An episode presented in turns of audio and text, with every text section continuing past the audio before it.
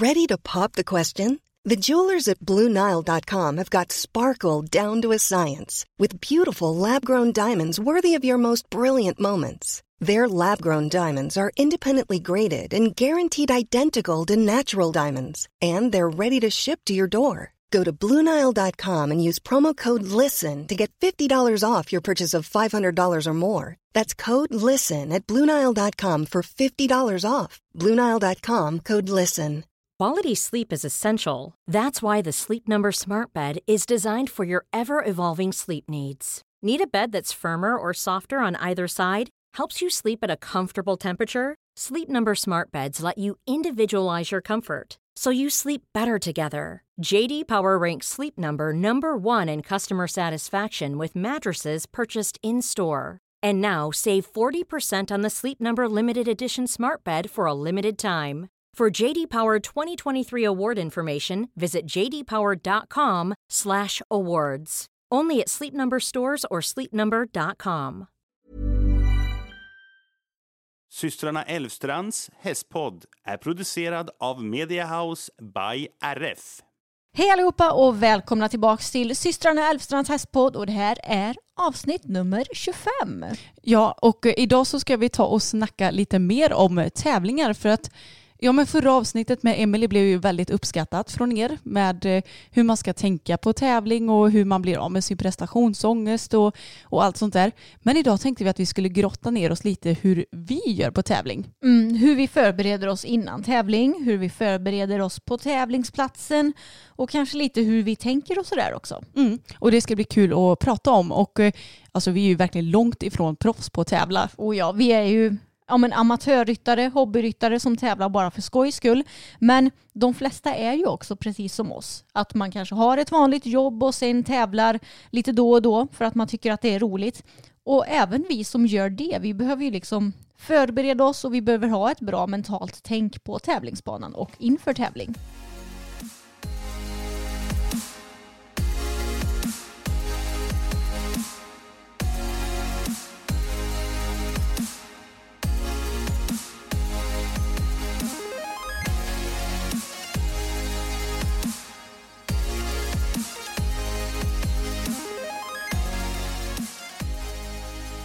Och Emma, på tal om tävling, du och Bella och Boppen har ju faktiskt varit ute på er första start sedan eh, coronauppehållet. Jajamän, det var ett bra tag sen senast. Jag har insett att jag har inte tävlat Boppen på två år innan den här tävlingen. Skojar du? 2018 innan jag köpte Bella så tävlade jag honom. Men herregud. Ja, sen är det du som har gjort det. Ja, jo, det, det minns jag ju, men jag trodde inte att det var riktigt så länge sedan du Nej, tävlade honom. knappt jag heller. Men jag har ju ändå hopptränat honom och sådär nu under våren. Så jag känner mig ändå bra förberedd med honom. Och han är ju 23 år men i väldigt god form nu efter att han fick dragit ut sina dåliga tänder. Och Bella hon har också känt sig i jättefin form så jag var väldigt exalterad över att äntligen få komma ut och tävla igen. Och med Boppen så startade jag först i klassen och jag tycker alltid att det är svårt för då måste man liksom skynda sig och gå banan och jag kan inte ta den tiden som jag behöver till det och sen ska man hinna hoppa fram och det blir lite stressigt och sådär. Men jag tycker ändå att jag gjorde det bästa av situationen och Boppen kändes svinfin, alltså rent ut sagt hela dagen och han är så fräsch och trots att han inte har varit ute på länge så är det aldrig några problem. Han är alltid lugn och snäll och tittar aldrig på några hinder eller sådär. Så det kändes superbra. Men jag klantade mig lite på banan så vi fick två nedslag. Ett berodde till 110% på mig för att jag red som en putta skit mot första hindret rent ut sagt. Och sen så rev han även tredje hindret för Alltså det var buskar i bakgrunden som stod ganska nära som höll på fladdrade lite och sådär. Mm. Och han är ju en väldigt känslig häst på det sättet. Så jag tror att han glömde att lyfta på fötterna. Ja, men det såg verkligen ut så. Och, alltså Boppen är ju underbar för att jag tror aldrig han har tittat på ett enda hinder när vi har varit ute Nej. på all, alltså, alla möjliga sorters tävlingar har vi varit på. Inga hinder. Men är det något som ser lite konstigt ut eller är det någon fladdrande buske eller något, det är ju mer sånt han tittar på. Ja, så är det ju. Mm. Men resten av banan, alltså det kändes så bra. Vi fick så fint flyt i alla linjer och han hoppade väldigt luftigt och fint och kändes liksom inte alls slarvig. Nej, Det såg så sjukt enkelt ut för Ja, er. men det kändes skitbra. Så även om resultatet blev åtta fel så var känslan betydligt bättre än så. Känslan var ju vinst. Känslan var en vinst. och sen med Bella så blev det nästan lite tvärtom. Mm. Hon, jag var jättenöjd med henne för ni som följer oss vet ju om att Bella hon har väldans mycket humör. Det är alltid lite så här när jag är iväg och typ hopptränar eller ska tävla att jag liksom behöver oroa mig för vart de andra ekipagen befinner sig. För hon sparkar och det är inte så att hon kanske sparkar utan kommer du nära så är det liksom pang. Hon har sparkat tre stycken ryttare på sina fötter. Varav eh, en är jag och en är pappa. Japp, men eh, ni höll er inte tillräckligt långt bort för henne så då fick ni skylla er själva. Ja men ursäkta, det var faktiskt inte mitt fel. Nej, det, nej. det var fokus fel. Ja, Mm. men det har hänt i alla fall. så nu förstår ju ni hur hon är. Men hon var så snäll på den här tävlingen. Mm. Alltså framridningen var i ett litet ridhus och det var ändå ganska många ekipage där. Hon tjurade inte en enda gång mot någon häst. Och jag kände bara, bara det i sig är en vinst. Verkligen. Sen på framåkningen så kände jag att hon, liksom, hon blev nästan lite busig och så här. Det känns som att hon taggade till och blev helt övertaggad. Och sen så hoppade hon mig ur sadeln på typ varje hinder. Och jag tror att det berodde på att även om hon kanske var övertaggad så var hon också spänd eftersom hon inte har varit ute på ett tag. Så det blir liksom som att hon hon kommer i galopp mot hindret och sen stannar hon typ till lite innan och över hindret så att språnget blir mycket högre och långsammare än vad det ska vara. Ja precis. Och det är ju helt omöjligt att hänga med i sådana språng. Ja alltså det vet jag ju bara. Jag hoppade ju henne när du var sjuk i mars. Mm. Och då gjorde hon ju verkligen så. Och då skulle vi dessutom travhoppa. Ja. Och hon verkligen stod ju still över hindret. Mm. Det är inte lätt att hänga Nej. med då. Eh, Och så var det ju på nästan vartenda hinder på banan. Det blir ju värre på oxtrar för de är ju längre också. Mm. Så då blir det ännu längre och långsammare språng. Eh, Så förutom det där då att jag hade svårt med balansen för att hon liksom hon stod inte emot mot hindren utan det var ju över liksom själva sprången. Ja, Och hon precis. tittade inte på ett enda hinder heller för Nej. hon är ju inte någon tittig häst. Men eh, hon var nog lite spänd tror jag. Mm, det var hon absolut. Ja, så vi fick ju inte riktigt det där fina flytet som jag fick med boppen och som jag kanske, eh, alltså jag, jag fick ändra om lite i mina planer inne på banan hur jag red och sådär. Men vi lyckades ändå bli dubbelnolla och hon gick sin första omhoppning någonsin för hon är ju bara sju år. Och eh, det var kul att vi ändå fick till en dubbelnolla i resultatet även om känslan kanske var långt ifrån så bra som på boppen. Blir det någon placering då? Nej, det blev det inte. Jag tror jag var näst långsammast. Ja det var det kanske. Ja. Eh, Så, men ifall jag kan liksom hålla mig lite mer balanserad, om hon kan hoppa lite mer normalt nästa gång, så kan jag ju också rida snabbare i omhoppningen. Mm. För nu fick jag ju typ fokusera på att kravla mig fast och hinna svänga. ja för du satsade ingenting va? Nej, ingenting. Nej. Utan det var bara, nu ska vi få ett bra flyt när ja, förutsättningarna är som de är. Mm, och du försökte väl ändå typ korta av lite granna vägen? Ja, så. men det Mm. gjorde jag ju. Och det gick jättebra. Hon var med mig väldigt fint och så i alla Mm. svängar. Ja hon såg ju superfin ut. Mm. Som sagt det enda är att hon behöver slappna av lite mer. Och jag tror att hon spänner nog till ryggen lite också. Mm. Och det är väl därför hon blir eh, svår att hänga med på. Ja, men jag tror det. Och eh, idag nu när det här avsnittet har släppts så ska vi tävla igen om bara några dagar. Och då ska vi också ut eh, till Falköping och bara hoppa en 90 cm bedömning A. Och jag känner det är bra för hon behöver komma ut nu och få rutin på själva tävlandet. Så det blir väl perfekt. Mm. Men eh, när ni lyssnar på det här avsnittet så är det hela två dagar sedan jag och Fokus gjorde vår första start i dressyr på två år. Mm, och vi har ju ingen aning om hur det har gått nu när vi spelar in det här. Nej, men vi, vi kan ju prata lite om hur det känns just nu i alla Mm. fall. Och eh, vi dressyrtränade igår och han var superfin. Alltså det känns så roligt för det känns som att han bara blir bättre och bättre för varenda träning. Han kommer snabbare liksom till arbete och alltså vårt största problem är egentligen att han gärna inte har bogarna där de ska vara och att han inte riktigt kommer runt bogarna eller vad man ska säga, eller runt min innerskänkel. Så det får vi jobba med ganska mycket i början av varje pass. Men eh, när vi väl fått det på plats så är han jättefin. Mm. Och vi red igenom programmet lite grann igår. Vi fick åka till ridhuset för att det spöregnade. Återigen. Eh, Men eh, så, så jag red på en 2780 bana och det är ju inte optimalt att rida igenom ett eh, 2060 program där. Nej. Så det fick bli lite vad det blev. Men det var mest, vi red igenom bara för att ja, men det ska sätta sig lite i min kropp och eh, ja, men rida lite tävlingslinjer är ju bra för att träna. Men det blir ju inte riktigt de linjerna som skulle vara. Nej. Men han gjorde det skitbra verkligen. Ja, han såg superfin ut. Och Mm. det är så kul med fokus för han blir ju bara lugnare och lugnare och tryggare och tryggare. Mm. Och det märkte vi ju också i måndags för då hade vi lite kul här på gården. Mm, då var familjen Reinhold som finns på YouTube. De var här och eh, även eh, Johanna Berg som, ja men hon har ju både Instagram, TikTok och eh, är en YouTuber och skådespelare. Alltså de är så duktiga allihopa. Men det var så roligt för att vi spelade in lite videor både till våran, Reinholds och Bergs YouTube-kanaler. Och Alltså det ska bli så himla roligt att se de här videorna för att eh, Johanna Berg spelade bland annat in en eh, kurragömma. Mm. Och ni som har sett Jocke och Jonna, alltså jag följer ju inte dem för fem öre. Nej inte jag heller men jag har sett det, de videosarna och jag tycker de är jättebra. Mm, Sveriges största kurragömma heter de va? Ja. Mm, alltså de är helt fantastiska. Mm. Och då sa Johanna att eh, varför inte göra en sån fast i stallet och med liksom häst-youtubers och sociala mediepersoner. Så det har hon gjort tidigare med Mm. eh, Melissa Frölich och eh, Johanna Lassnack. Eh, och nu var det vår tur. Mm. Och det var så jäkla roligt. Ja, alltså den här filmen den kommer bli så sjukt bra. Mm. Jag är övertygad om det. Mm. Och det jag ser så mycket fram emot att se den. Det kommer Ja. bli underhållning på hög, hög nivå. Ja, så vi, det ser vi fram emot. Och sen spelar vi även in en sketch till Johannas kanal. Och på vår kanal så spelade vi in en trekamp där du och jag tävlade mot eh, Hailey och eh, Johanna Berg idag. Ja, inte Hailey Berg, Hailey Reinhold och Johanna Berg. Och det ska också bli väldigt kul att se det. Eller ja, du har ju klippt ihop den, Mm, men jag har inte hunnit se den än. Nej, det har du inte gjort. Nej. Nej, men det, det kommer bli riktigt bra filmer och jag ser fram emot att se dem även på Reinholds och Johannas kanal. Mm. Och eh, jag tänkte säga det att Fokus var ju så himla duktig för han fick ju ha både Hailey som är nio år och Chloe som är fem år på sin rygg. Mm. Och det, jag vet ju inte hans eh, bakgrund riktigt, men jag tror ju att det är första gången han har barn på ryggen. Ja, det tror jag med. Och alltså, han var superduktig. Eh, Hailey red ju ensam och eh, jag, jag hade lite dressyrlektion för henne tänkte jag säga. Det var väl inte sådär jättemycket men eh, hon fick rida på en stor volt och så sa jag bara till henne vad hon skulle göra. Och hon både trav och galoppera.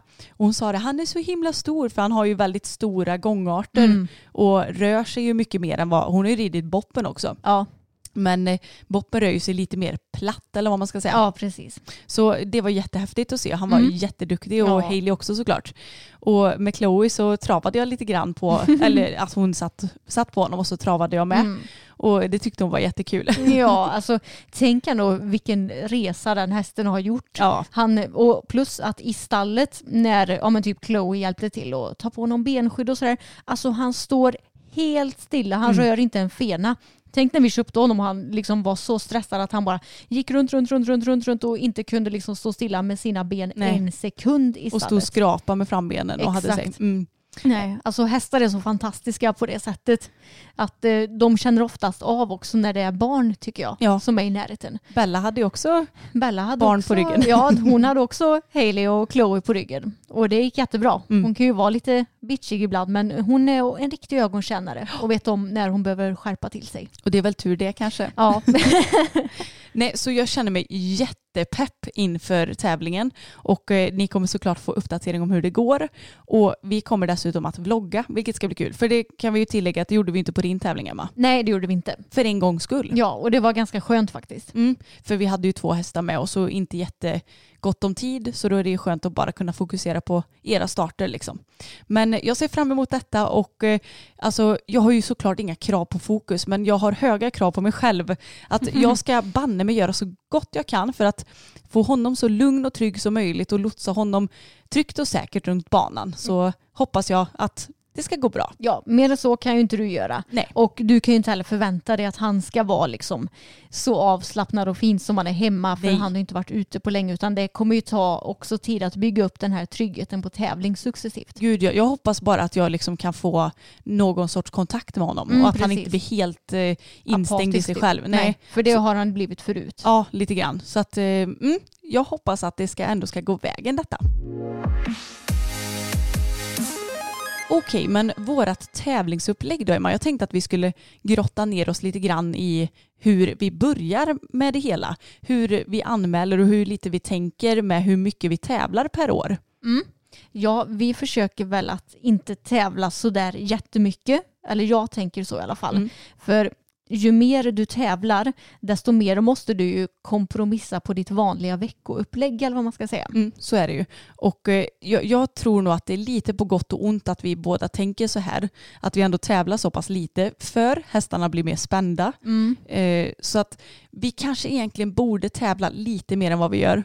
Vi tävlar ju extremt lite skulle jag säga. Jo, det gör vi. Men jag vet inte hur mycket slash lite hobbyryttare brukar tävla heller. Nej, Alltså det, tittar man bland våra kompisar så tävlar vi ju mer än många av dem. gör vi det? Ja, Ja, kanske. Men det finns ju också många namn som man känner igen i typ varenda startlista som typ tävlar varje varannan helg. mm. Trots att de inte är några liksom, eh, professionella ryttare eller så. ja. Eh, Men eh, jag skulle ju säga att vi absolut max tävlar varannan helg. ja. Men det sker ju inte varenda varannan helg om året heller. Nej, exakt. Jag tror att förutom i de perioderna som det är typ tävlingsuppehåll, det vill säga kanske på vintern och sommaren om vi har semester, så kanske vi tävlar två gånger i månaden i snitt. Det ja, låter- absolut max. Ja, det låter väl rimligt. Mm. Och det, alltså, det, jag är lite så här, det kanske egentligen är lite för lite ibland om vi nu ska få lite rutin på det, både för vår och hästarnas skull. Inte när det kommer till Boppen och Tage då förstås, men till våra lite yngre förmågor Mm. så hade det nog varit bra att tävla lite mer. Jo, det har du rätt i. Men samtidigt så är vi lite, lite lata. Väljer gärna de tävlingarna som är närmast oss. Orkar inte riktigt åka så långt. Nej. Och i framförallt dressyr så är inte utbudet skitstort alla gånger. Nej, så är det ju. Mm. Men eh, vi tar lite vad vi får och eh, det är väl så vi tänker egentligen. Att vi inte tävlar jättemycket. Ja, och sen så för min del så är det även för, ja, för, för min egen del. Mm. För att tävla är liksom inte allt för mig. Så jag vill gärna kunna kanske bara ta det lugnt någon helg eller hitta på annat på någon helg. För säg att du tävlar på en söndag. Då måste du ju tillbringa en stor del av lördagen med att förbereda dig till söndagen. Och sen är ju ofta hela söndagen inom stationstecken förstörd. Så Mm. du inte kan hitta på något annat om du är iväg på tävling. Nej men så är det ju och man är ofta så himla trött också. För att det är ju en uppladdning och en urladdning efter tävling så man orkar ju inte riktigt hitta på vad som helst efteråt heller. Verkligen. Men okej, vi säger att eh, Emma du har en hopptävling inplanerad i september och Mm. nu är det augusti när vi spelar in. Hur tänker du då fram tills tävlingsdagen? Alltså gud, rent spontant så känns det som att jag inte har några liksom, tankar. Nej, men jag tränar ju liksom på som vanligt. Vi har ju våra tränare som vi tränar regelbundet för. Och eh, kanske om jag ska veta att jag ska tävla hoppning då vet jag om att det är ju banhoppning som gäller. Nu är Bella sju år och eh, får börja gå avdelning A vilket innebär att det också är omhoppning som gäller ifall vi blir felfria. Och då tänker väl jag att jag behöver träna på det. Så att jag kanske inte rider för mycket markarbete och gymnastikhoppning inför en tävling. Mm. Utan att jag får till lite mer banhoppningsträning. Och det brukar vara ganska bra på våra hoppträningar för då värmer vi oftast upp med kanske lite mer gymnastikhoppning så att hästarna kommer igång i kroppen. Men sen går vi nästan alltid över till mer eller mindre banhoppning. Mm. Tänker du något på höjder till exempel? Säg att du ska tävla en meter i september. Känner du att du måste rida en meter på träning då hela tiden eller högre eller hur tycker du med sånt? Jag vill ju känna mig trygg på den höjden som jag ska tävla. Ja. Så jag känner inget behov av att eh, egentligen träna på banor som är högre än en meter. Men jag vill kunna känna mig liksom helt trygg och ha ett bra självförtroende till den höjden som jag är anmäld till. Mm. Gärna kanske att den hellre känns lite för låg än att den ska kännas lite för hög. Ja, att det känns lite för enkelt. Ja, än exakt. lite för svårt. Mm. Mm. Och det är det jag tycker också är så himla viktigt i hoppning. Nu har ju jag själv inte tävlat mer än, jag har startat en 1,10 mina dagar och det tyckte jag var högt. Ja. det ska jag säga. Eh, och då var ju inte jag riktigt redo för det. Men jag satt på en väldigt trygg och snäll häst, det vill säga bästa boppen. Men eh, alltså jag tror inte jag hade kunnat styra in i 1,10 idag och bara, ja ja men vi, vi kör Nej. väl igenom den här. Och det är ju ganska idiotiskt rent ut sagt. För att jag tror att anledningen att jag startade 1,10 det var bara för att så här, försöka bevisa för mig själv att jag klarar det. ja. Och det gick väl ändå ganska bra. Jag fick, jag fick ett så tomt läge på första hindret kommer jag ihåg så jag bara nej nu jag lägger en volt. Och sen så rev vi typ ett hinder tror jag. Men resten gick ju väldigt bra så att det var inte så att det var katastrof men det kan ju gå dåligt om man känner sig för otrygg på höjden. Så att det är viktigt att ändå känna sig trygg. Ja, och jag tycker också det är så viktigt att ja, men, anpassa sig efter hästen som du sitter på. Mm. Som sagt, för vår del så har ju Boppen alltid varit vår läromästare. Så det har inte varit några bekymmer för oss att debutera en ny höjd på honom för att vi har alltid känt oss trygga med det. Och vi vet om att även om det kanske 1,10 kanske känns lite högt för oss, alltså som människor, så känns det inte högt för honom. Nej, nej. Och då har man haft en trygghet i det.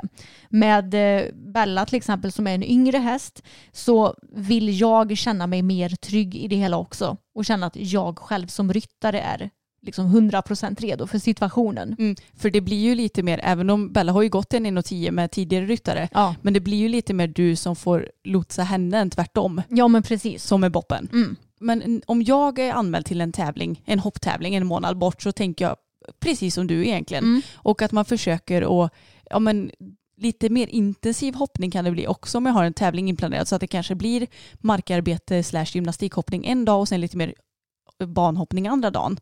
Men eh, sen så får man ju väga av lite hur, mycket, hur hästen känns också såklart. Men mer hoppning blir det ju inför en hopptävling helt klart. Mm. Alltså jag vet inte riktigt om det blir det för mig för jag vill ändå känna mig så pass trygg och säker i mig själv att jag känner mig redo för tävlingen. Som Mm. nu till exempel med Bella. Eh, senare idag så ska jag hoppträna för vår tränare Sten. Och sen nästa vecka, det blir ju om tio dagar när vi spelar in det här, Mm. så ska jag hopptävla. Och jag kommer ju inte hoppa någon mer gång innan tävlingen efter den här träningen. Utan, det. eh, utan då kommer jag liksom känna mig så pass trygg att jag kan gå direkt in och hopptävla. Och det är för att jag vill spara på henne. Jag vill inte hålla på och hoppa för mycket bara för min egen vinnings skull eller vad Nej. man ska säga. Och jag tror inte att du egentligen vinner så mycket på det heller. Men jag tänker när jag väl ska ut och tävla fokus som ändå har varit en utbränd hopphäst så tror jag att jag kommer behöva lite mer hoppning i kroppen för min skull Ja. i början liksom. Men det, det tar vi senare när det är dags för hoppning. Men om jag har en dressyrtävling framför mig som ligger en månad bort så tänker jag ju mycket mer på vad för sorts rörelser det är i programmet jag ska rida.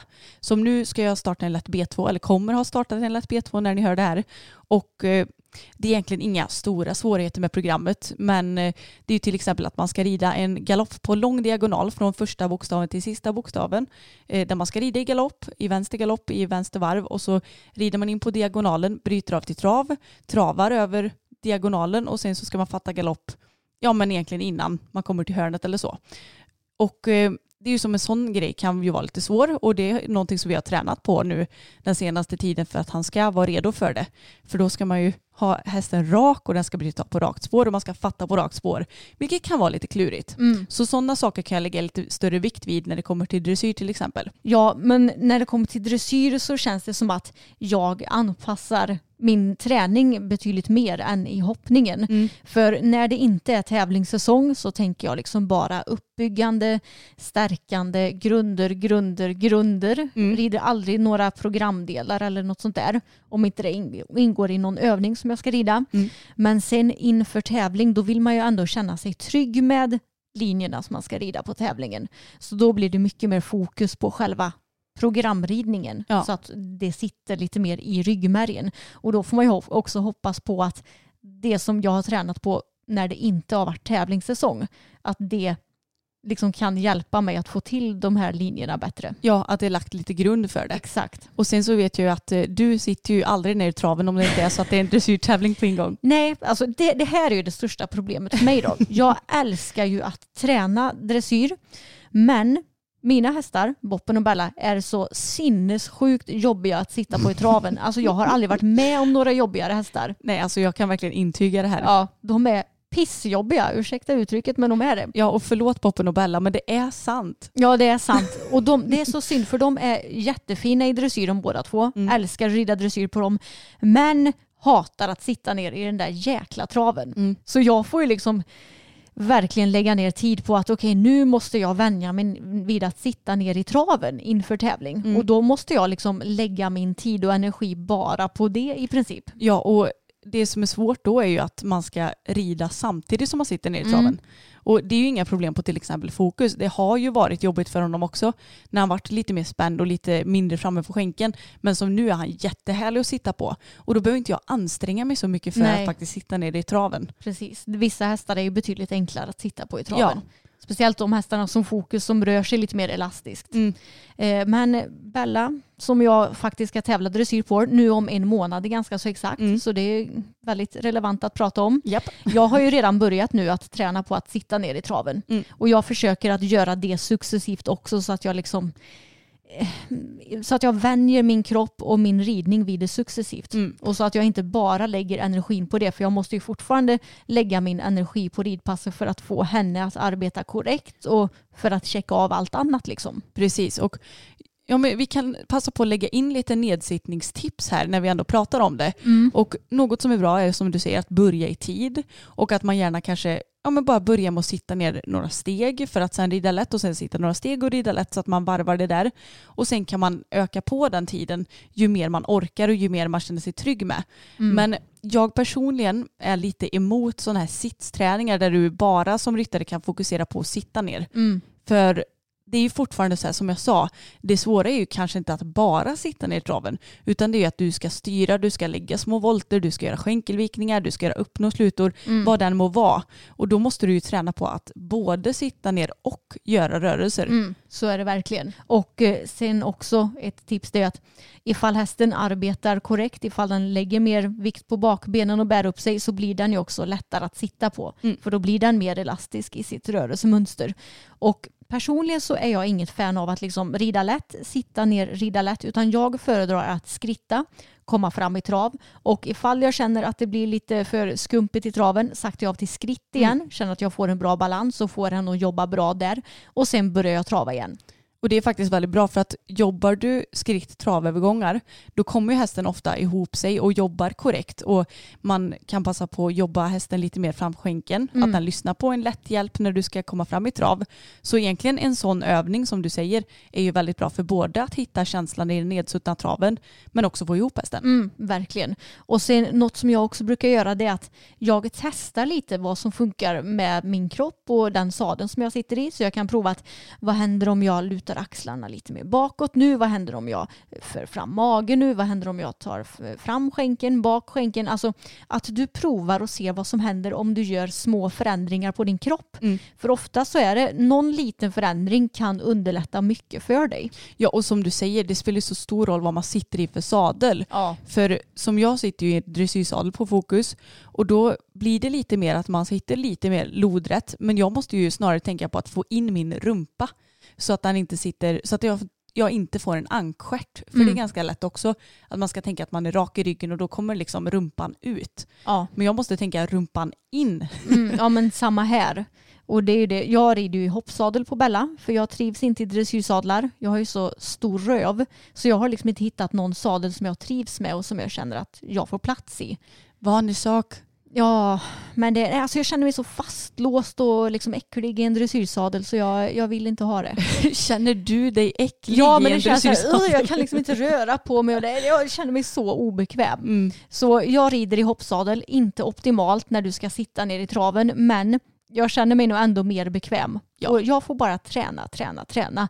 Även om jag kanske inte sitter i en perfekt lodrätt sits. Men jag tror att, alltså det är inte så att jag rider några svåra klasser i dressyren så jag tror att domarna har överseende med vilken sadel man sitter i också. Ja och det är ju tillåtet att tävla i hoppsal så det spelar egentligen ingen större roll. Nej. Och sen också, det här är något som vi har pratat om i tidigare avsnitt, att aktivera bålen innan ett dressyrpass. Ja. För det här, alltså det här är så, så bra. Man behöver inte lägga så mycket tid på det, 5-10 minuter kanske, och bara köra lite sit-ups åt olika håll, gärna så man får med sidomagmusklerna också, Mm. och eh, de raka. Och så kanske plankan i några minuter så Mm. att man liksom får aktivera verkligen det här, ja men bålen, kärnan i magmusklerna. ja. För att har du bara aktiverat dem lite grann, då är det så mycket lättare för bålen att ja, men lite automatiskt aktivera sig när man sitter på hästryggen. Mm. Och du får till mycket bättre sits och blir så mycket mer stabil. Jag Mm. tänkte precis säga det här innan du Mm. gav det tipset. Men jag märker så stor skillnad. Vi brukar ju gymma på morgonen och ifall jag har kört ett överkroppspass på gymmet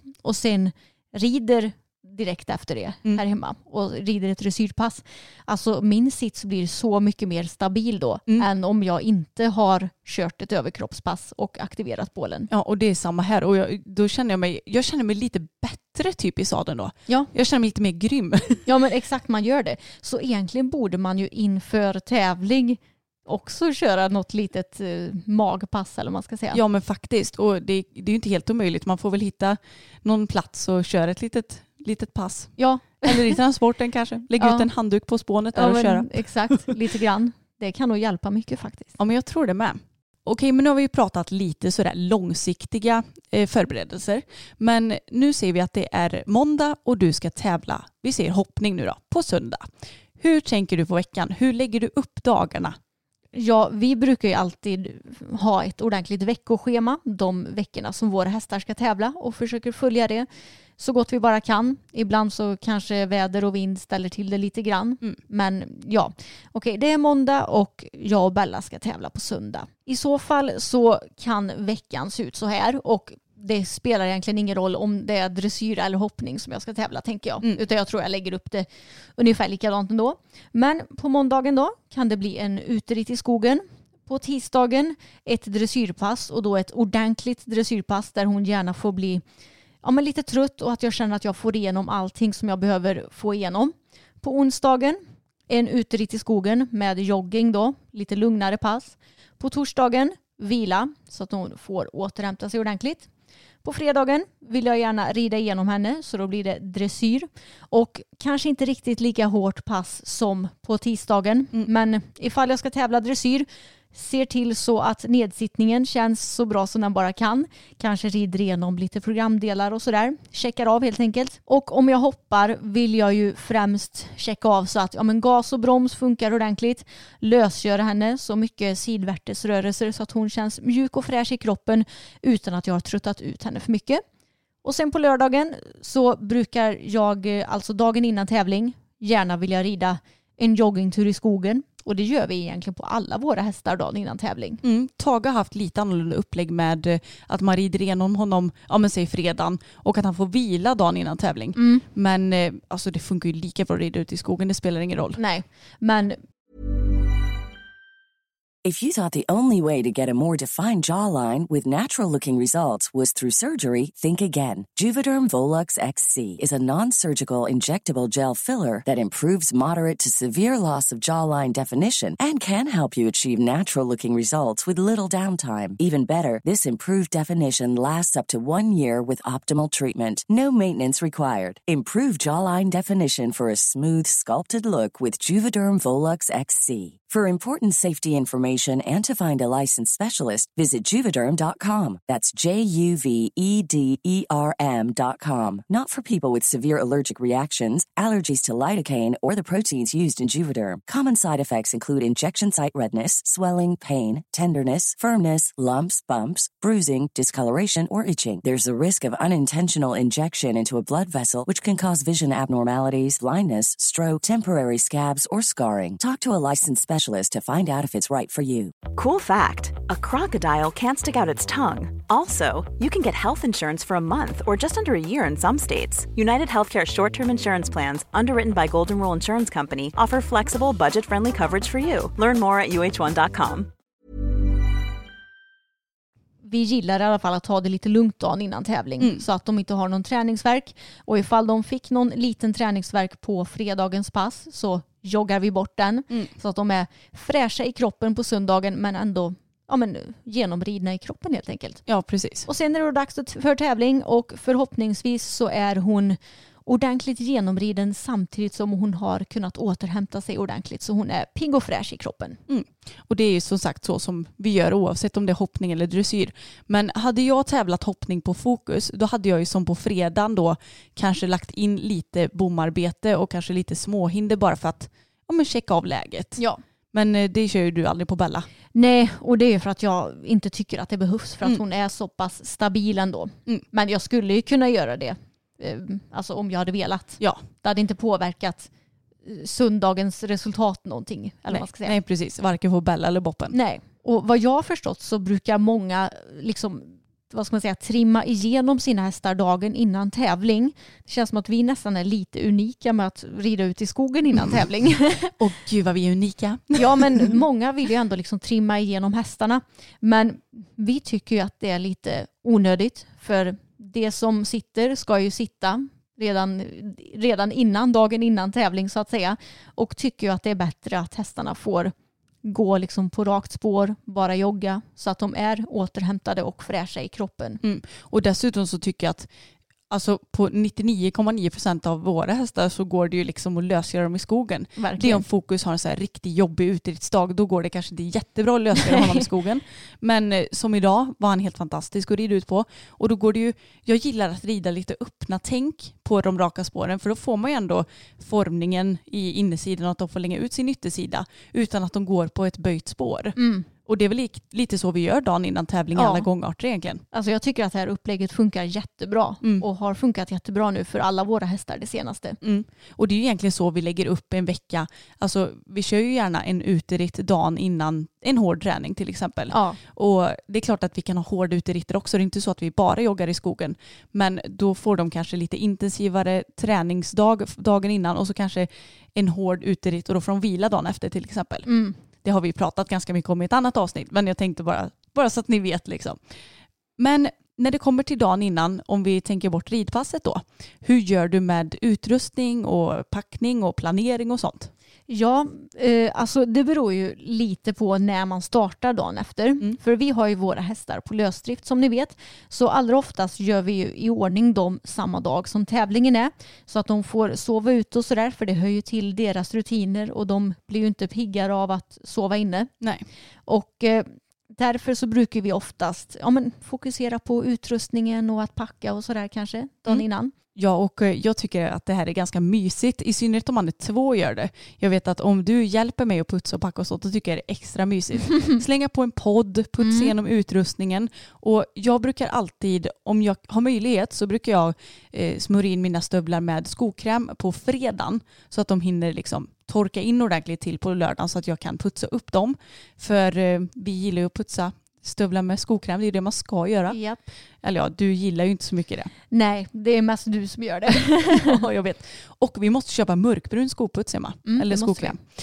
Men eh, hur som helst så putsar vi allting, både sadlar och träns och försöker att putsa upp stigbyglarna så gott det går. Och sen förbereder med nummerlappar. Och eh, ett litet tips som vi har, vi gillar att ha eh, nummerlapparna på stigbyglarna. För att jag tycker att det är snyggt, då behöver inte nummerlappen störa i hästens träns och sådär. Och om man får en rosett så hänger den inte i vägen liksom. Det händer ju inte det jätteofta, men när det väl händer. men Däremot så måste man ju alltid ha på en nummerlapp på hästen när man lastar ur. Så då brukar jag sätta en nummerlapp på stigbygeln som ska vara där under tävlingsdagen. Men sen sätter jag också en nummerlapp på ja, men hästens tygel som man bara lätt kan ta av när man väl har sadlat sen. Så det är ett litet tips från coachen. Jag avskyr ju också sådana här nummerlappar som man fäster i schabraken. Mm. Varför gör du det då? Nej, för att jag tycker att så här, ja, man fäster det med en säkerhetsnål som sticker sönder schabraket och om man använder det ofta så syns det så mycket tycker jag. Och Mm. jag tycker den fladdrar och nej, jag gillar inte det. Nej, vi föredrar att ha inom stationstecken vanliga nummerlappar på Ja. våra stigled eller stigbyglar. Sådana hedliga med elastiska snören som man knyter runt. Ja, precis. Det enda som vi egentligen inte gör dagen innan med all utrust- utrustning det är ju att packa in i transporten utan det brukar vi göra på morgonen. Men vi förbereder allting så att det ska vara enkelt att bara lägga in och att det liksom är putsat och klart. Och något som jag också gör dagen innan tävlingen det är att planera min dag så att jag verkligen vet vad jag ska göra. Där pratade vi lite om med Emelie också att det är väldigt skönt att ha ifall man är lite nervös framförallt för att då har man ett schema att förlita sig på och man har en sorts trygghet och det här är egentligen något som är bra både i hoppning och dressyr. Men i dressyr så är ju fördelen att, att du har en fast starttid. Så att då brukar jag alltid skriva ett litet schema i min mobil, skriva upp när min starttid är och sen så går jag baklänges. Okej, nu startar jag halv tio. Då behöver jag ha suttit upp den här tiden. Han behöver ha lastats ur den här tiden så att han kan skrittas för hand den här tiden. Ja men ni vet, så att jag verkligen går baklänges med alla punkter som ska göras för dagen. Ända till att jag ska vara i stallet.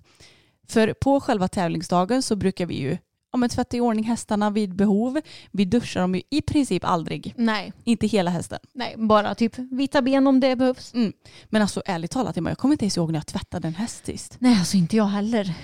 Men det, jag vet inte, jag tycker att det är onödigt och våra hästar de är ändå så pass glansiga och fina i pälsen även om de går ute dygnet runt. Ja men verkligen och skulle de bli så här, ni vet lite dammiga så går det ju att ja, men dels borsta noga men också spraya lite pälsglans så att det dämpar det här Ja, dammet på rumpan som kan bli. ja. Så att eh, vi, vi försöker att duscha så lite vi bara kan.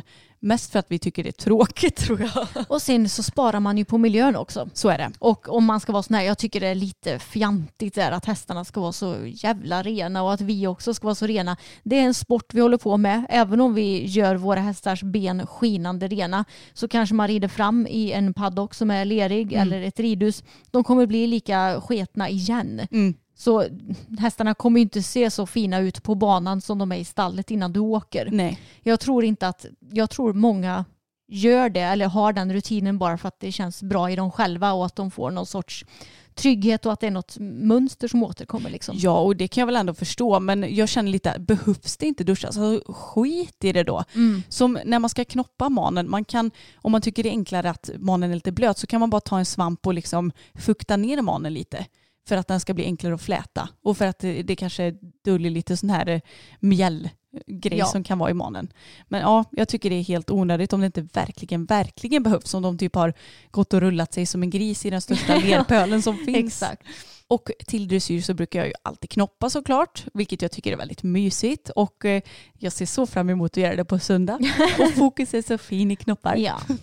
Men eh, det tar ju lite tid så man får alltid planera lite tid när det kommer till knoppning och tvättning. Och jag har en liten rutin när det kommer till just knoppning och tvättning och sådär. Och det är att jag brukar ta in fokus och det första jag gör är att skölja av benen. Och sen så har jag ett jättebra schampo till just vita ben som heter K9. eh, White Out Shampoo tror jag, eller silverschampo eller vad det nu heter. Som jag tar och liksom gnuggar in. Han har ju fyra vita ben så då gnuggar jag och gärna liksom river in lite med naglarna så att jag kommer långt ner i själva pälsen. Och sen så låter jag det sitta ett tag. Då kan jag passa på att fläta hans svans för jag gillar när den blir lite lockig. Och eh, ja, det är också smidigt för jag menar de kan ju råka skita på svansen och så i transporten. Vilket ju också är det lite tillägg i vår här duschdemonstrationen tänkte jag säga. För att hur ofta har man inte stått där och tvättat hästen så har han bajsat och gnidit runt bajset så att han Mm. har bajs i hela svansen och på bakbenen som har stått och tvättat. Exakt. Mm. Men sen så när jag har gjort det så brukar jag börja knoppningen lite grann och sen så när det har gått typ om en tio minuter, en kvart kanske, så sköljer jag benen. Så jag vill ju inte få dem lila liksom. Men eh, då, då får det verka och liksom verkligen ta bort de här fläckarna. Och sen så knoppar jag honom och sen så avslutar jag med att borsta ordentligt så att jag liksom får gjort knoppning och det här lite jobbiga innan han blir rastlös. Mm. Nu är han ju jätteduktig och står Ja. ofta stilla men jag vet att det finns ju hästar som kanske inte riktigt är där än i sin hantering eller vad man ska säga. Mm. Och då är det smart att börja med det som är jobbigast. Och det kan nog vara en trygghet även för dig som människa att få de här rutinerna för då, då blir du nog mer avslappnad också. Mm. När du vet att nu ska jag göra det här och det här och det här Mm. och då blir det en trygghet och du kan slappna av. Ja, och eh, sen så brukar jag också frisera vid behov och det gör vi även inför hopptävlingar för då knoppar vi ju ganska sällan. Ja, Det jag, händer men. Ja, men jag föredrar att ha utsläppt man. Ifall, jag, jag, jag inbillar mig att jag har det ifall jag behöver ta något mantag men Jag jag, tar aldrig mantag. Inte jag heller. Alltså det är, så, det är så roligt för att det har jag tänkt flera gånger så här. Om Fokus tar ett riktigt stort hopp det här då ska jag Ja. ta mantag. Bara, jo tjena, det händer ju inte. Nej, hjärnan är ju, alltså den gör ju inte det bara. Nej, det är inte naturligt för oss Nej, jag. men jag tror att jag inbillar mig att jag blir lite mer obalanserad om hästarna har knoppade manar. Ja, ja men man, man får ju sådana fixidéer. Ja, jag vet. Jag har verkligen fått det som en Mm. fix idé. Men vad tycker du om typ hovskägg och sånt Emma? För att jag vet att många de, de typ alltså, klipper ju benen med klippmaskin och sånt för att få bort allt sånt. Men Fokus han har ju ganska mycket hovskägg. Ja, men jag tycker ju det är charmigt. Ja men det tycker jag också. Alltså, och sen så är ju inte jag rätt person att fråga sådana här frågor för jag bryr mig inte ett dugg om liksom sådana här små fjantiga detaljer enligt mig. Utan jag tycker att hästarna kan väl för tusan få se ut som hästar. Det spelar Mm. väl ingen roll ifall de har lite hovskägg eller lite hår som går ner över hovarna. Nej, det kan jag klippa till lite om det Ja. blir jättelångt för boppen får ju framförallt, alltså jag vet inte hur det ser ut, men det, det är nästan som en liten lugg över hans hovar. Liksom. Ja.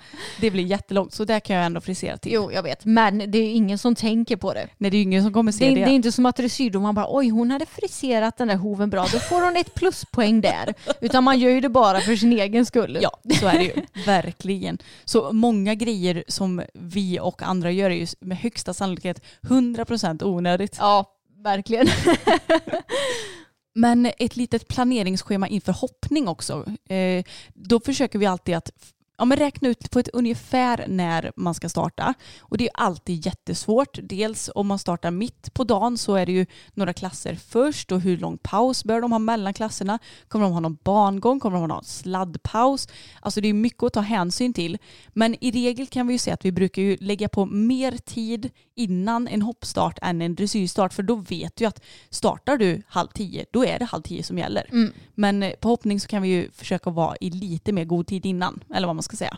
Men försök ju ändå göra ett litet punktschema även till hoppning när man ska lasta ur på ett ungefär och, och lite sådär som att man har koll. Emma, du som ändå tävlar lite mer hoppning än vad jag gör, har du några tips på hur du brukar tänka när du ska göra upp ditt lilla schema? Alltså oftast på Ekip så står det ju inte några fasta starttider i hoppningen men det brukar ju stå när klassen beräknas vara klar. Mm. Så då kan man utgå lite ifrån det och se när man startar i klassen så att du vet att ja, men jag startar nog ungefär klockan 11 säg. Och eh, då anpassar jag mig helt enkelt efter den tiden. Mm. Men tänker du på lite hur jag rider fram och sådär också eller? Ja, men jag tänkte först att vi kunde, ja men själva planeringsstadiet. Och det står ju ofta också att, eh, ja men att varje ekipage beräknas ta 107 sekunder eller sådär. Står Ja, ju alltid det. högst upp Mm. när man går in på själva startlistan. Så då vet man ju det också. Och då kan man lite enklare räkna ut när i klassen man bör starta också. Mm.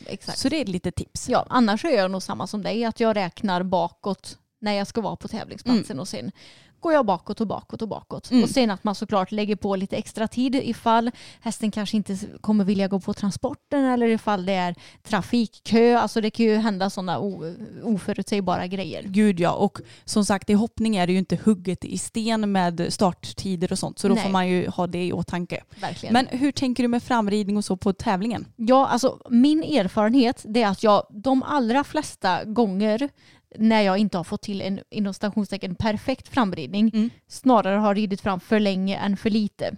För ofta i hoppningen så tänker man att det ska ta det ska säga, blir det, kortare tid än vad det tar. Ja. Och då blir det så att jaha, nu har jag suttit och ridit fram här och nu är jag klar, nu vill jag gå in och hoppa och så får man typ sitta och skritta en stund och liksom bara rida oeffektivt. Och kanske snarare trötta ut hästen lite. Mm. Så ja, alltså hur, jag, jag, jag vet att det finns vissa som tänker att när det är 20 hästar kvar till min start så sitter jag upp. Men något sånt där har inte jag riktigt, tror jag. Nej, utan du räknar lite mer va? Jag tror jag räknar lite mer Mm. och tänker att ungefär då borde jag starta. Mm. Jag brukar tänka lite mer när jag får gå in på framhoppningen tror jag. Ja. För oftast så kanske du får gå in på framhoppningen, säg sju starter innan din. Eftersom det brukar oftast vara kanske fem stycken inne på framhoppningen och sen en som ska vänta utanför och sen en som väntar inne på banan. Mm. Tänker jag. Precis. Så jag brukar beräkna lite efter det och tänka hur många starter behöver jag på mig att rida fram innan jag ska hoppa fram. Mm. För vi är alltid väldigt noga med, oavsett om vi startar dressyr eller hoppning, så skrittas ju våra hästar fram för hand. Ja, Och gärna kanske innan vi till och med lagt på sadel och sånt. Så att de får slappna av lite, de är igång ordentligt. Så att egentligen så skulle det ju kunna vara så nästan att ja men har vi skrittat så kan vi nästan in och galoppera på framhoppningen i värsta fall. ja Nu händer ju inte det för att vi brukar vara i godare tid än så.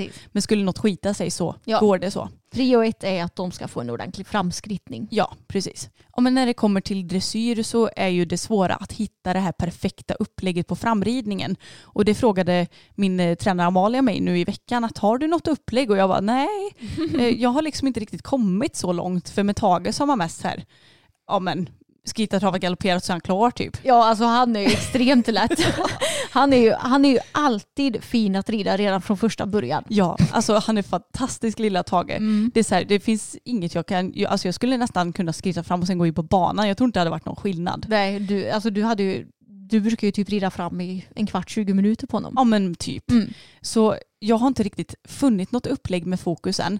Men jag tänker att jag ska skritta fram för hand och sen ja, skritta lite på kort tygel så att han får bara slappna av lite. Och sen trava, galoppera, göra mycket övergångar så att han liksom kommer ihop sig och lyssnar på mig och sen kanske rida lite programdelar och sen in på banan. Så att jag kommer kanske rida i sådär 30-40 minuter kanske. Mm. Så får vi se lite hur det blir sen. Vad, om han, alltså jag vet att det är så himla olika. Vissa hästar behöver typ en timmes framridning. Mm. Vissa behöver en kvart. Alltså Ja. det är jätteolika. Det gäller ju verkligen att man lär känna sin häst och märker vad den trivs bäst med.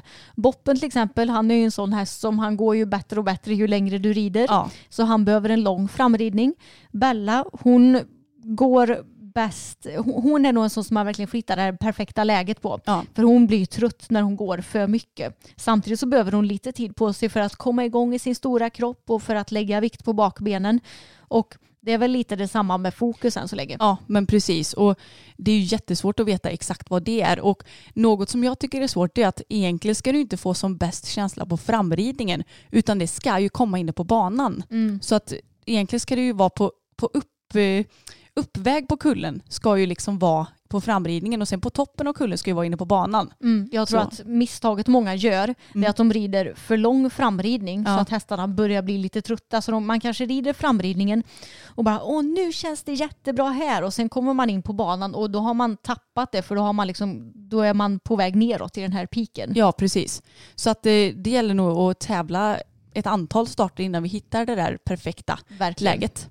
Men eh, det är också det som är charmen med dressyr tycker jag. Ja, det är ju det. Och hoppning tycker jag, alltså när det kommer till hoppning med Bella till exempel så är jag lite mer, alltså det spelar inte så stor roll i vilken form hon går i. Jag vill Nej. bara checka av så hon lyssnar fram och tillbaka och svänger. Men i dressyren så kommer det bli en helt annan grej att rida fram. Gud ja. Jag har ju bara startat en dressyrtävling än med henne. Ja. Så jag kommer också behöva mer rutin för att känna hur vår framridning ska se ut där. Mm. Men jag känner lite, när jag tävlar hoppning, alltså det som jag gör det är ju på sin höjd lite övergångar så att man ser att hästen är med och tar fattningarna i galopp ordentligt och att man gör lite halter så att de ändå är med på gas och broms. Men det är ju typ det jag gör på sin höjd. Ja, jag kan lägga in lite sidförande hjälper också för att få hästarna lite mjuka i kroppen. Ja, Men eh, annars så det, nej, inte några konstigheter så att nej, säga. simpelt och bra. Ja. Okej, men en viktig punkt tycker jag det är ju det här med energipåfyllning under tävlingen. Mm. Jag tänker att det kan vara en lite lu- eller lustig punkt eller på att säga, men rolig punkt menade Ja, jag. Men Hur tänker vi med mat? Ja, alltså grejen att du och jag är ganska så intresserade av både kost och träning. Och jag brukar tänka vad, på vad jag äter liksom redan dagen innan tävling. Ja. För du och jag vi är ju riktiga sockerråttor och eh, speciellt nu i sommar har det blivit väldigt mycket socker. eh, så jag följde inte mina egna råd till förra tävlingen som jag red ska tilläggas. Men normalt sett så brukar jag se till att inte äta något socker dagen innan tävling. Och med socker så menar jag typ godis, kakor och sådär. Mm. Frukt och naturligt socker äter jag ju varje dag. Ja. Men grejen är att om jag äter socker så tycker jag att jag brukar bli lite inom stationstecken sockerbakis dagen efter. Ja, och man blir lite mattare i kroppen, man Ja. blir lite slöare allmänt och, Mm.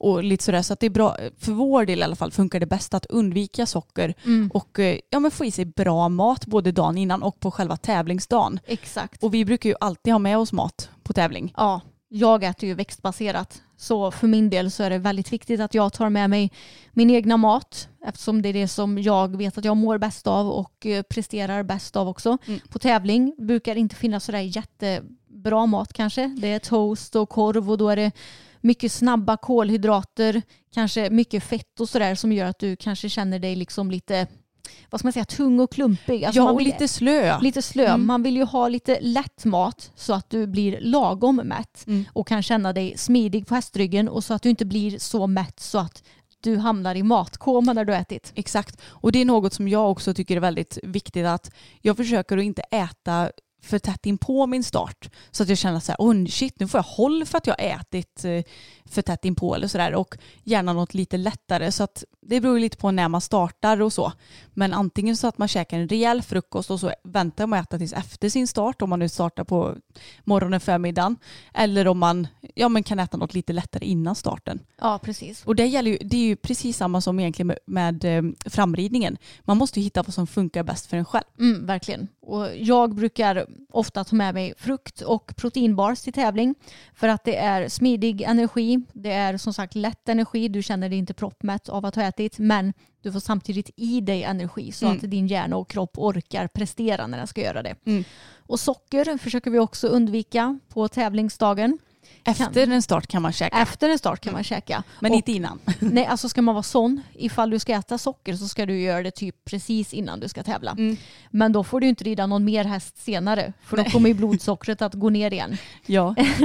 Så det gäller att ha lite koll på hur ens kropp reagerar på det som man stoppar i sig också. ja, verkligen. Och något som jag gillar också det är ju sådana här eh, måltidsdrycker som finns. Mm. För de, är, de lägger sig inte som ett lock i magen och det är enkelt att få i sig. Kräver inte kyl alltid heller. Så att man, det är lätt att få med sig överallt också. Gillar det väldigt mycket. Och ibland så blir det ju långa dagar på tävling och då brukar vi ju som sagt ha med oss egen mat. Vi brukar ofta ha någon sorts pastasallad. Mm. Jag brukar ha pastasallad med kikärtor för att eh, det tycker jag är gott och då får jag i mig både bra med protein och kolhydrater och bra fett. Och jag brukar också ha pastasallad antingen med kikärtor för det är så gott och då brukar jag rosta dem i ugnen. Ja. Alltså det är så gott. Ni måste prova om ni inte har gjort det. Eller så har jag kyckling och gärna också lite sån här bra salladsost. För det ger lite mer mättsamhet också. Och sen såklart vatten. Våran Ja. kära vattenflaska. Ja, den är alltid med. Mm. Alltså, jag har alltid med vattenflaskan både när jag tränar och tävlar. Jag hatar att känna mig törstig när jag ska rida. Känner du dig törstig så brukar du också prestera sämre. Mm. För då är du uttorkad. Eller man ska säga. Du, Ja, behöv, du behöver vara återfuktad. låter konstigt för det låter som man pratar om huden. Jo men det, det stämmer väl. Ja. Alltså återfuktad kan det väl vara både på in och Ja, utsida tänker Du måste ha vatten. Ja. Och sist men inte minst då, hur gör vi när vi kommer hem från en tävling med hästarna? Nej men det är väl inga större konstigheter egentligen. Vi brukar ja, men borsta av dem. På sin höjd kanske tvätta av dem ifall det behövs. Ifall de har blivit väldigt svettiga till exempel. Eller skitiga. Eller skitiga så kan vi tvätta av dem. Kanske linimentar lite grann på vissa. Bella hon har ju sin eh, diskskada och eh, jag brukar linimenta henne lite ibland så det kan hända att vi gör det. Sen så brukar ju de också få mat, alltså Mm. kraftfoder för det får de alltid efter att de har ridits och eh, vi tänker att det är nog trevligare för dem att få det hemma än på tävling så då brukar de få det. Och sen eventuellt på med täcke och sen ut i hagen till de andra hästarna helt enkelt. Mm, de brukar få komma ut ganska snabbt efter att de Ja. kommer hem. Och sen packar vi ur och, och grejer. Det är ju det tråkigaste av allt. Ja, alltså det, det är det sämsta med att tävla. Mm. När man kommer hem och ska packa in alla jäkla grejer igen. Ja, för det är lite kul att packa in i bilen Ja. och i transporten. För man, så här, ja men sadeln hänger vi här och lite det, det, det. det är lite mer så här, ja men kul att se och så ska man ha saker på sin plats och man hittar det lätt. Men när man ska, packa, eller när man ska åka hem, eller från tävlingsplatsen, då slänger man ju i princip bara in skiten och sen så ska man packa ur det ur bilen sen. Ja. Det är så fruktansvärt tråkigt. Man är så trött och så ska det mockas i transporten för hästarna skiter ju och kissar alltid. Ja. Såklart. Ja, det är, det är helt klart, det är nog det sämsta med att tävla. Ja. Och sen det vi avslutar med att göra det är att gå in, lägga oss i soffan och halvdäcka. Och äta godis. Mm. Men det är väl egentligen så en eh, tävlingssituation ser ut för oss. Både en månad innan, en vecka innan, dagen innan, på tävlingsdagen och även när vi kommer hem. Men Emma, jag tänkte, vi, jag tänkte att vi skulle ta och avsluta med lite små tips. Och eh, mitt första tips det är att skriva upp en packlista. Både kanske en meetinglista om man är en sån som åker på meetings men också en om man bara åker på en endagars tävling. Vad behöver du ha med dig? Allt ifrån liksom sadeljord till nummerlapp, till stigbyglar, till sadel, till häst kanske Mhm, ibland så man mm. inte glömmer någonting. Och det är så himla skönt att ha den och kunna pricka av när man har lagt in saker och ting. Mm. Då behöver du aldrig oroa dig för att har glömt någonting. Nej, precis. Så då kan det bli ett stressmoment mindre. Mm. Och något som också kan vara bra är att faktiskt packa in själv i bilen. Ja, verkligen. Alltså jag gillar inte att överlåta det till någon annan. typ om, även om du ska göra det så känns det som att nej, nu har inte jag riktigt den här kontrollen så då kanske hon har glömt det och det. Mm. Så gärna göra det själv ja. Och ett tips till den personen som kanske ska tävla för första gången är ju att ha med dig en person som har erfarenhet av tävling tidigare för då kan den stötta dig och hjälpa dig och har liksom bättre koll på rutinerna så den vet lite vad du ska göra då. Ja men verkligen och kanske till och med en tränare om man har en hopp eller dressyrtränare som är lite engagerad och som har lite tid att lägga att följa med på tävling så är det ju kanon om den kan följa med. För då kan den hjälpa dig med eh, framridning och, och allt sånt där som man kanske kan vara lite osäker på i början. Och ett tips som jag har det är att bli inte helt sönderstressad om inte allt går som du har tänkt dig. För att ibland så får man lite tidsbrist och då får man kanske strunta i att eh, ja, men fläta svansen eller man kanske får strunta i någon sån där detalj som ändå inte spelar någon roll och bara fokusera på det som är viktigt. För det är inte hela världen. Det Nej. är bara en tävling. Och oftast går det bra ändå. Ja, Och- absolut. Som sagt, stressa inte upp dig. Fokusera på det du ska göra nu, nu och nu så kommer det gå bra. Och när det kommer till hoppning så kan man ju kanske bli stressad ifall man kommer in lite sent på framhoppningen till exempel. Men det man inte tänker på det är att ofta har du ganska gott om tid på dig på en framhoppning. Ja. Så du behöver inte så himla lång tid på att hoppa fram. Nej, och i regel så räcker det väl med ett par språng bara så Ja. har ju hästen hoppat och förstått grejen. Exakt. För jag vet att många vill hoppa lite mer och det ska man väl kanske göra om man har möjlighet och tid. Men det är inte hela världen om man bara får ett par språng på sig. Verkligen inte. Och en grej som kan vara bra, nu gör ju inte vi det själva, men det kommer jag på nu när vi ska tipsa om saker, det är att packa med sig ett par extra tyglar och någon sadeljord. För skulle det gå sönder så har man alltid extra. Men saker och ting går ju också av lån av andra tävlingskamrater Ja, på plats. verkligen. Och kanske bra att packa med typ någon sorts tejp också, typ silvertejp. Eller Ja. ifall dina stövlar skulle gå sönder till exempel. Hur många gånger har inte det hänt folk på tävling? Ja men skojar eller? Och hemma också för den delen. Jag Ja. red med silvertejpad stubbel hemma hur länge som helst. Ja, Men något som är himla smidigt det är att köpa sådana här små, vad heter det? Eh, som man kan ha vatten och dunk heter det. ja. Köpa dunkar som man kan ha med sig och ta med eget vatten till tävlingen. Vatten och en hink för då klarar man sig alltid och man kan fylla på sin egen vattenflaska vid behov och hästarna får med sig sitt vatten och då vet jag att många kan dricka lite enklare än om de får ett främmande vatten. Och dagens sista, kanske viktigaste tips, det är att du bara ska tävla den klassen som du själv känner för och som du själv känner att du är redo för. Så försök att inte påverkas av din omgivning. Även om dina kompisar tävlar lätt A till exempel så måste inte du göra det utan du kanske känner dig trygg och säker på lätt B-nivå. Tävla lätt B då. Du kanske kommer att tävla lätt A senare men gör det som passar dig och din häst nu. Mm. Och det är ju särskilt viktigt i hoppning där ja, men det faktiskt kan hända saker om man känner sig osäker. I en dressyr är det så här, ah, åh nej jag missade ett byte. Det, är inte, det, det händer inte så mycket. Nej. Även om hästen kan få dåligt självförtroende ändå. Det kan den faktiskt. Så att man ska vara försiktig i båda disciplinerna. Och nu pratar vi om dressyr och hoppning eftersom det är det som vi håller på med. Ja. Ja, det var allt för den här gången hörni. Nu vet jag att det, ni, jag redan kommer att ha tävlat men ni får hålla en tumme för att det går väl för mig och fokus på söndag.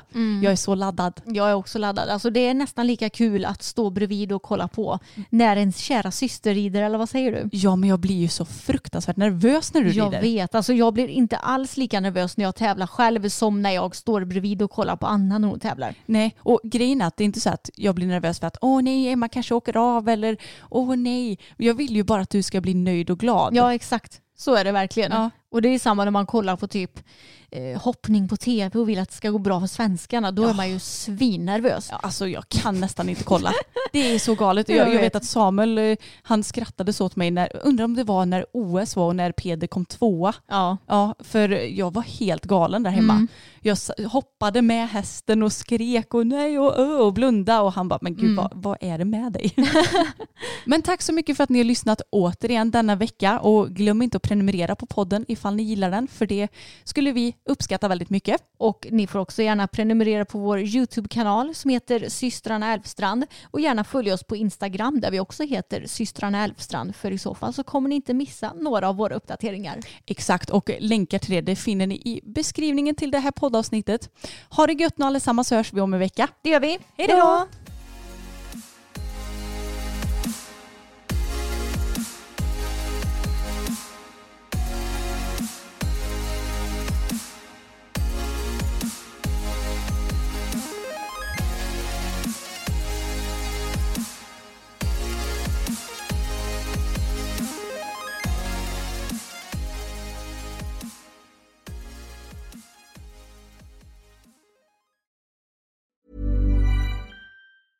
Normally, being a little extra might be a bit much, but not when it comes to healthcare. That's why United Healthcare's Health Protector Guard fixed indemnity insurance plans, underwritten by Golden Rule Insurance Company, supplement your primary plan so you manage out of pocket costs. Learn more at uh1.com. Mom deserves the best, and there's no better place to shop for Mother's Day than Whole Foods Market. They're your destination for unbeatable savings, from premium gifts to show-stopping flowers and irresistible desserts. Start by saving 33% with Prime on all body care and candles. Then get a 15-stem bunch of tulips for just $9.99 each with Prime. Round out Mom's menu with festive rosé, irresistible berry chantilly cake, and more special treats. Come celebrate Mother's Day at Whole Foods Market.